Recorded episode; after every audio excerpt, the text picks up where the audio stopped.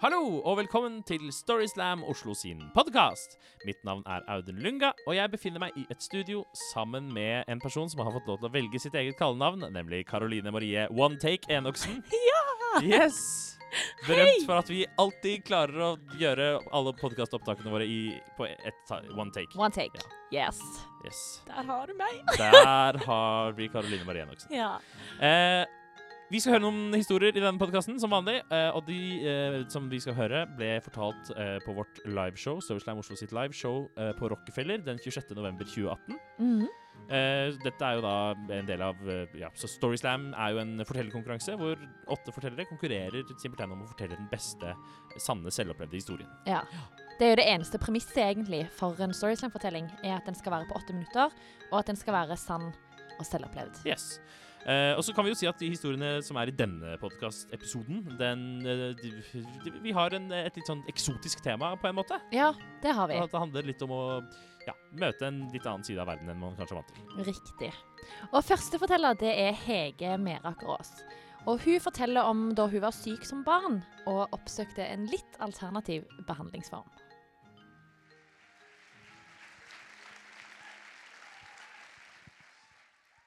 Jeg ser ut av et telt. Det teltet er jeg alene i, fordi det er et telt for én. Det går eh, slanger med oksygen inn til det teltet. Og en kanyle med medisin som er operert inn i kroppen min. Telteveggen er av gjennomsiktig plast. Og mamma og pappa som står utenfor, blir litt sånn bølgete og uklar. Men jeg ser at de er redde. De står og snakker med en lege. og Jeg hører ikke hva de snakker om, for det er altfor mye bråk inni det teltet. Men jeg skjønner jo at de snakker om meg. Vi har vært der før. Jeg er fem år og midt i mitt verste astmaanfall noensinne. I barndommen min så var jeg så ofte på sykehus at jeg kjente legene og sykepleierne. Jeg hadde venner der. Barn med kreft og brannskader og bandasjer rundt hodet. Det var arbeidsstue hver onsdag. Kanskje kino. Vi kom dit i samla flokk, noen i rullestol, noen med oksygentank. Og så kom mamma eller pappa til kvelds på besøk, og så satt de på sengekanten og så leste de ett kapittel fra Tiriltoppen før de reiste hjem til broren min. Det var et slags hjem.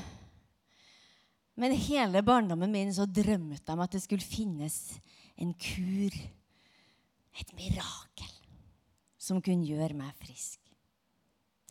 Og da jeg ble voksen, så bestemte jeg meg for å ut og lete etter det mirakelet. Og jeg begynte hos homopat og fikk sukkerpiller med bukkhornfrø. Og så dro jeg videre til en akupunktør og lå med nåler fra tærne og opp hver torsdag. Jeg prøvde fotsoneterapi, kopping, healing, laserstråler, Snåsamannen. Jeg reiste til en veganfarm i Sverige og drakk bjørkesaft. Jeg var villig til å gjøre hva som helst for å bli kvitt den sykdommen. Jeg ville danse ballett, jeg ville synge opera. Men lungene var aldri fylt av nok luft. Og Derfor ble jeg helt desperat. Og En dag sto jeg foran et gult hus hvor en regnbue lyste imot meg fra inngangen. Her var regnbuebarna. Mitt siste håp. Jeg kom inn i garderoben og møtte eh, en vakker dame med brusende hår og flagrende klær. Og hun presenterte seg som terapeuten. Og terapeuten hun viste meg inn i behandlingsrommet sitt, og det var grått av røkelse. Unnskyld. Jeg er såpass allergisk. Tror du at du kan eh, Aller nådigst så åpna et vindu, pekte på en stol og ba om fødselsår. 1972. Det er et maskulint år, dessverre. Og hvilken måned du er født? Februar. Februar. Det er maskulin måned, vet du. Det er ikke bra for deg. Oh. Og hvilken ukedag du vet? eh, onsdag. Og jeg visste i det samme at det var helt feil svar. Der er ditt problem. Alt i deg er maskulint. Alt. Kroppen din er i dyp konflikt med seg selv. Du er mann i kvinnekropp.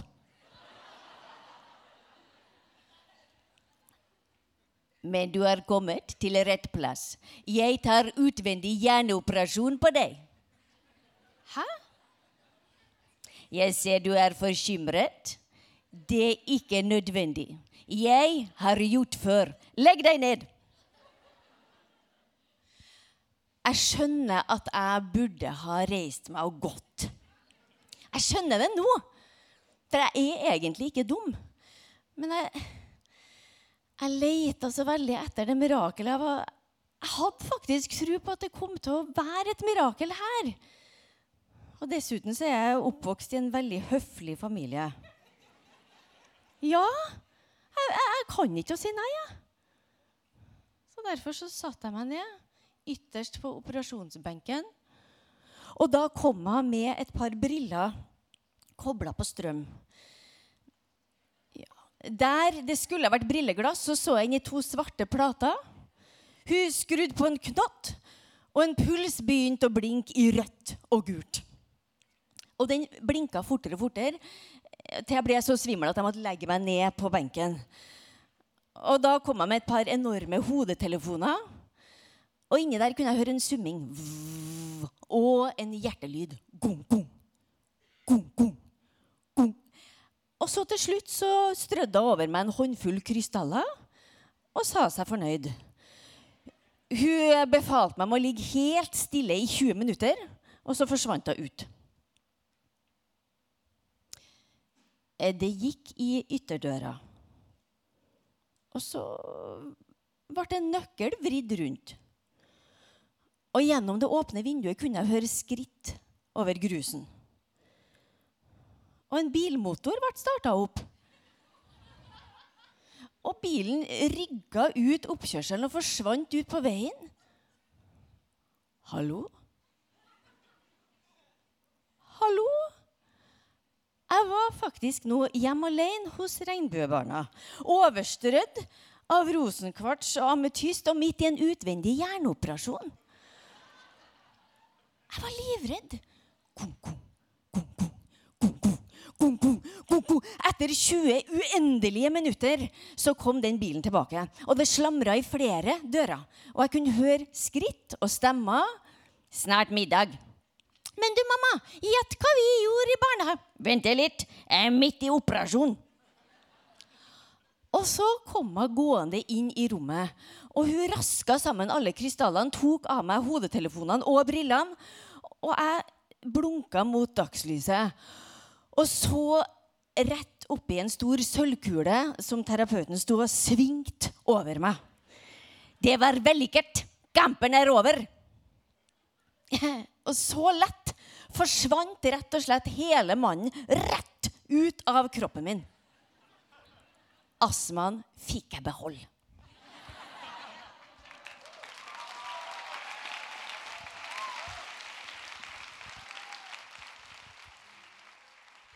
Tusen takk til Hege. Ja. Mm. Vet du, Audun, om du er født i et maskulint år? Eh, nei, det, jeg, altså, jeg tviler. Jeg, jeg vet ikke helt. Det er Nei, ok. Men- et sted imellom. Men faktisk, jeg var eh, på en fest i går hvor jeg fikk vite hvilket kinesisk sånn, dyretegn jeg er født i. Ok. Mitt år. Ja. Vil du vite hva det var? ja. Det var dragen. Det, det forklarer jo litt, kanskje. Jeg vet ikke. Forklarer det no noe? Jeg vet ikke om det forklarer noe, men det er jævlig kult. OK. Ja, fordi drager er kule. ja. Ja. ja. Skal vi finne ut hvilket, ditt, hvilket år som er ditt Ja. dyretegn? Skal du google nå? OK. Ja. Ja. Live i podkasten så googler vi hvilket dyretegn som jeg er født i. Jeg er født i 1987. Hvilket år er det? Hvis det, jeg gjetter riktig, så er det selleriens år eller noe sånt. Vil du, har du lyst til å gjette? Nei, jeg aner ikke. Hva er ditt kinesiske dyretegn? Jeg får høre, da. Vent, jeg må finne året. Men men vi vet jo ikke hva det betyr å være født i et dyretegn. Nei. Bare, altså, vi, vi tenker jo det, at vi jo, tilskriver jo det dyret noen egenskaper, men vi vet ikke hva Nei. kineserne Men nå har jeg det her, da. Ja, få høre, da. OK. 1987. Ja. OK, er du klar? Ja. Du er hare. ja, ikke sant? Men hva betyr det? Nei, jeg vet Altså, ikke hva det betyr. for alt vi vet, så har kineserne eh, d- 10 000 år gamle legender om at haren er, er flink med penger. Ja, Ikke sant? ingen vet. Ingen vet Nei. hvor haren hopper. Akkurat Kanskje vi må dra dra til Kina Ja. for å finne det ut. Det, det kan hende vi må det. Og apropos det, Ja. så er det jo noen som har stått rett til Kina. ja. Neste forteller Asgeir Døhl Dybvig. Og han dro òg til Kina for å finne ut av ting.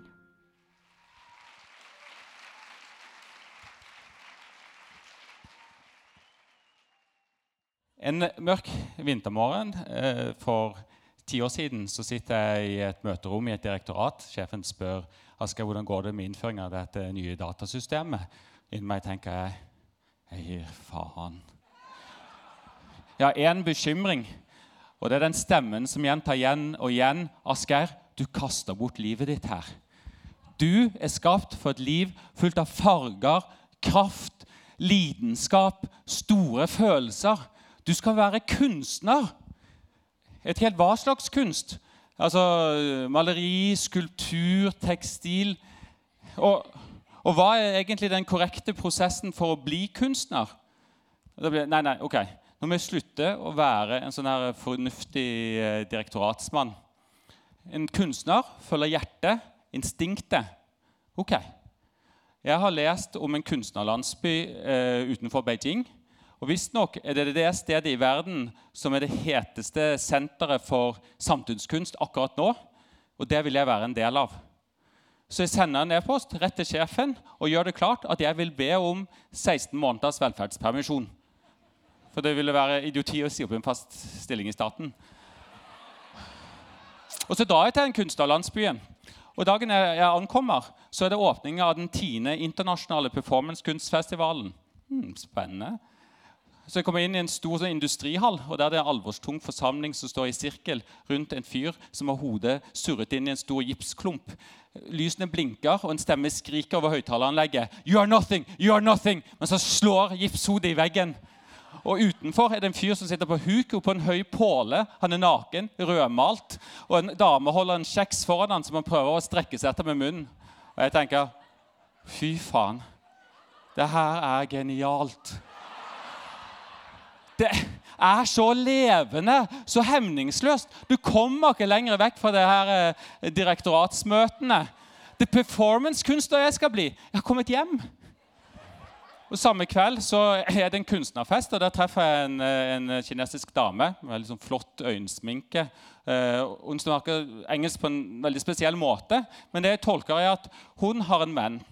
Og Han er på utkikk etter en kreativ person som han kan samarbeide med. Og I morgen så er det et, et møte, og det vil være en veldig fin mulighet for meg om jeg kan være til stede der. Og Skal du lykkes i kunstbransjen, så er eh, nettverking eh, avgjørende. Altså, det er ikke som i direktoratet du sitter og venter på, på bevilgninger over statsbudsjett. Så sier, dette er en sjanse for meg å treffe kunstnere. Eh, jeg håper vi skal sitte i et sånn idyllisk kinesisk tehus og prate i timevis og filosofere. og Uansett. Eh, ved morgengry dagen etter så eh, blir jeg plukket opp av denne vennen. Eh, han, eh, ja, han er en munter mann med veldig mye matflekker på seg. Eh, og han viser seg, han snakker ingen engelsk, bortsett fra noen enkeltord. Så det blir en veldig taus og gåtefull ferd videre. Som jeg gjerne skulle fortalt om. Men to timer med bil, tre timer med fly, som kom helt uventet. Og to timer med taxi senere, så er vi i en eller annen by i Kina. Eh, foran et gigantisk kompleks. Eh, soldater er mosjert opp utenfor.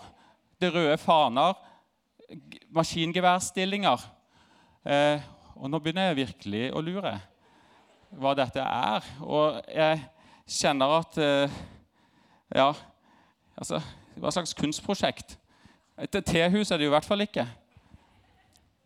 Så to vakter kommer og geleider oss videre innover endeløse korridorer. Vi går oppganger, ned, ned trapper. Overalt sitter det offiserer og, og, og klikker på datamaskiner. Og jeg syns det blir varmere og varmere ettersom vi kommer dypere og dypere inn i buken på dette her komplekset.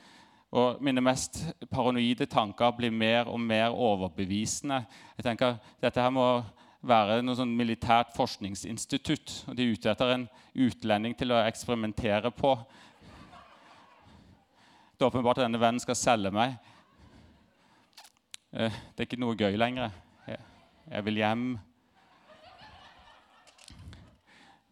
Men ingen vei ut. Vi kommer til en tung tredør. Døren går opp. Rundt et møtebord så sitter det tre eldre herrer med buksene trukket veldig langt opp i livet. Og en dame med en veldig myndig permanent. Og de, jeg føler meg veldig keitete der jeg prøver å, gå inn som jeg føler meg som en sirkusklovn på vei inn i manesjen. Min nye venn derimot, han er full av eh, entusiasme og begynner å, på en eller annen presentasjon på kinesisk. Eh, disse tilhørende vi, eh, sitter der med armene i kors, og de slår meg som en gjeng. Det er ikke så veldig lett å, å begeistre.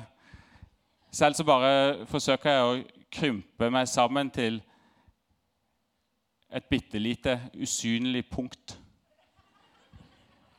Men min venn er ferdig med å prate, og da kommer han bort og masserer skulderen min og sier 'International business partner'. Ok? Og så ser han veldig forventningsfull på meg. Alle ser veldig forventningsfull på meg. Og jeg smiler mitt mest vinnende smil. Jeg vet ikke helt hva de ville. Skal jeg, skal jeg si noe, eller? Altså, vet faen hva som foregår her, men dette er i ferd med å gå til helvete. De må jo skjønne at jeg ikke har noe her å gjøre. Og Snart tilkaller de vaktene, og så kommer de til å tyne en, en, en betroelse ut av meg. Og de kommer til å øh, finne dette ID-kortet fra direktoratet som jeg har i baklomma. Og så kommer de til å altså De kjøper i hvert fall ikke at det at det er en wannabe performance-kunstner. De kommer til å tro en spion, og så er det rett i fengsel. Så kommer aldri hjem. Så jeg opp i en slags sånn bønn om guddommelig inspirasjon.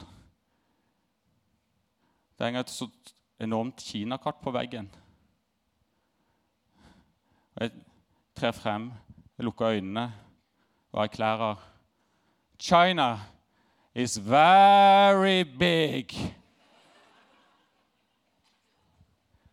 Jeg skotter rundt meg. Jeg ser nikkende, smilende ansikter og tom, tomler som peker oppover. Jeg klarte det. Jeg har aldri følt meg så levende. Og så får vi servert te. Jeg vet ikke hvor jeg var den dagen, eller hva slags møte det var. Men eh, jeg ble værende i Kina mange år etter det. Eh, jeg fant min kone der, og hun har forklart til meg at den dagen var det de kaller en white monkey. Det vil si at businessfolk tar med seg utlendinger i møter for at de skal virke mer betydningsfulle og internasjonale. Det ble aldri noe performancekunstner på meg. Jeg ble eh, tilbake og jobba med datasystemer i direktorat. Men jeg fikk lov til å komme her og treffe dere, så det er det beste kompensasjonen jeg kunne få. Takk.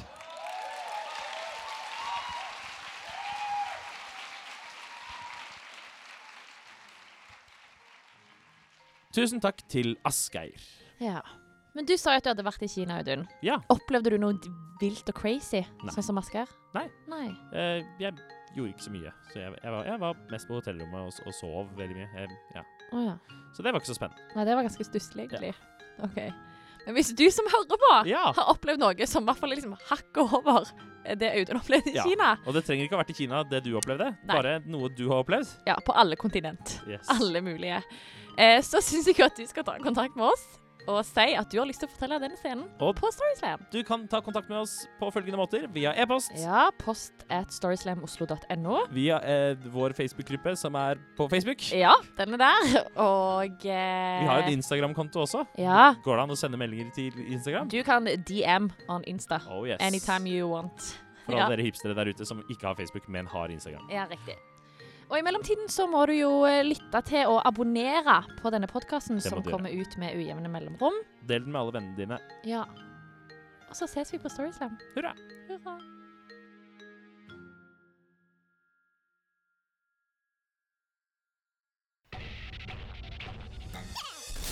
Monster.